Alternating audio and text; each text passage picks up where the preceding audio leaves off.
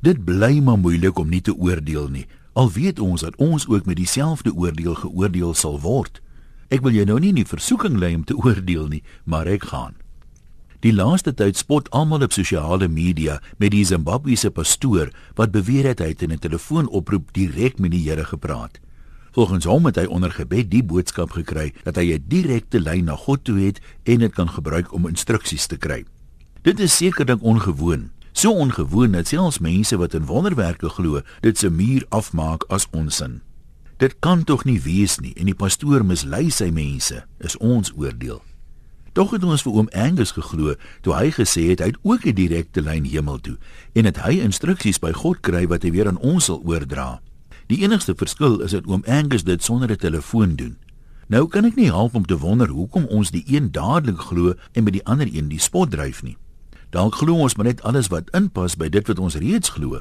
Al is dit so ongewoon soos maagdelike geboortes En dit wat ons reeds glo, word natuurlik grootliks bepaal deur dit wat ons ouers en onderwysers en predikante ons geleer het terwyl ons groot geword het. As jy in 'n moslem of in 'n boeddhisme huis groot geword het, sou jy tog sekerlik anders geleer gewees het en anders geglo het. Dit is selfs waar ten opsigte van Christene onderling. Daar's meer as 3000 amptelike denominasies van die Christelike geloof, almal gegrond op dieselfde Bybel. En elkeen van hierdie noem dit maar kerke in 'n breë sin, het ontstaan omdat hulle glo dit wat hulle glo is reg en die ander is verkeerd en daarom kan hulle nie meer na dieselfde kerk toe gaan nie. Op soek na 'n suiwerder leer moes hulle afstyg en 'n nuwe denominasie begin. Maar hier is die vraag wat by my spook.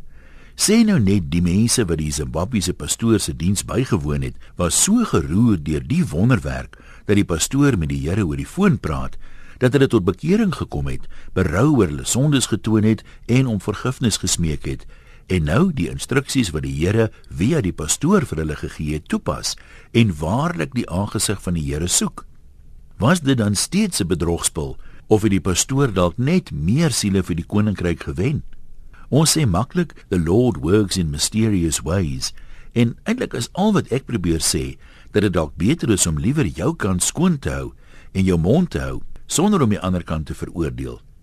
Nie almal wat anders glo is noodwendig verkeerd nie. Eintlik hang dit maar net af van watter kant af jy daarna kyk. Groete van oor tot oor. Antoniem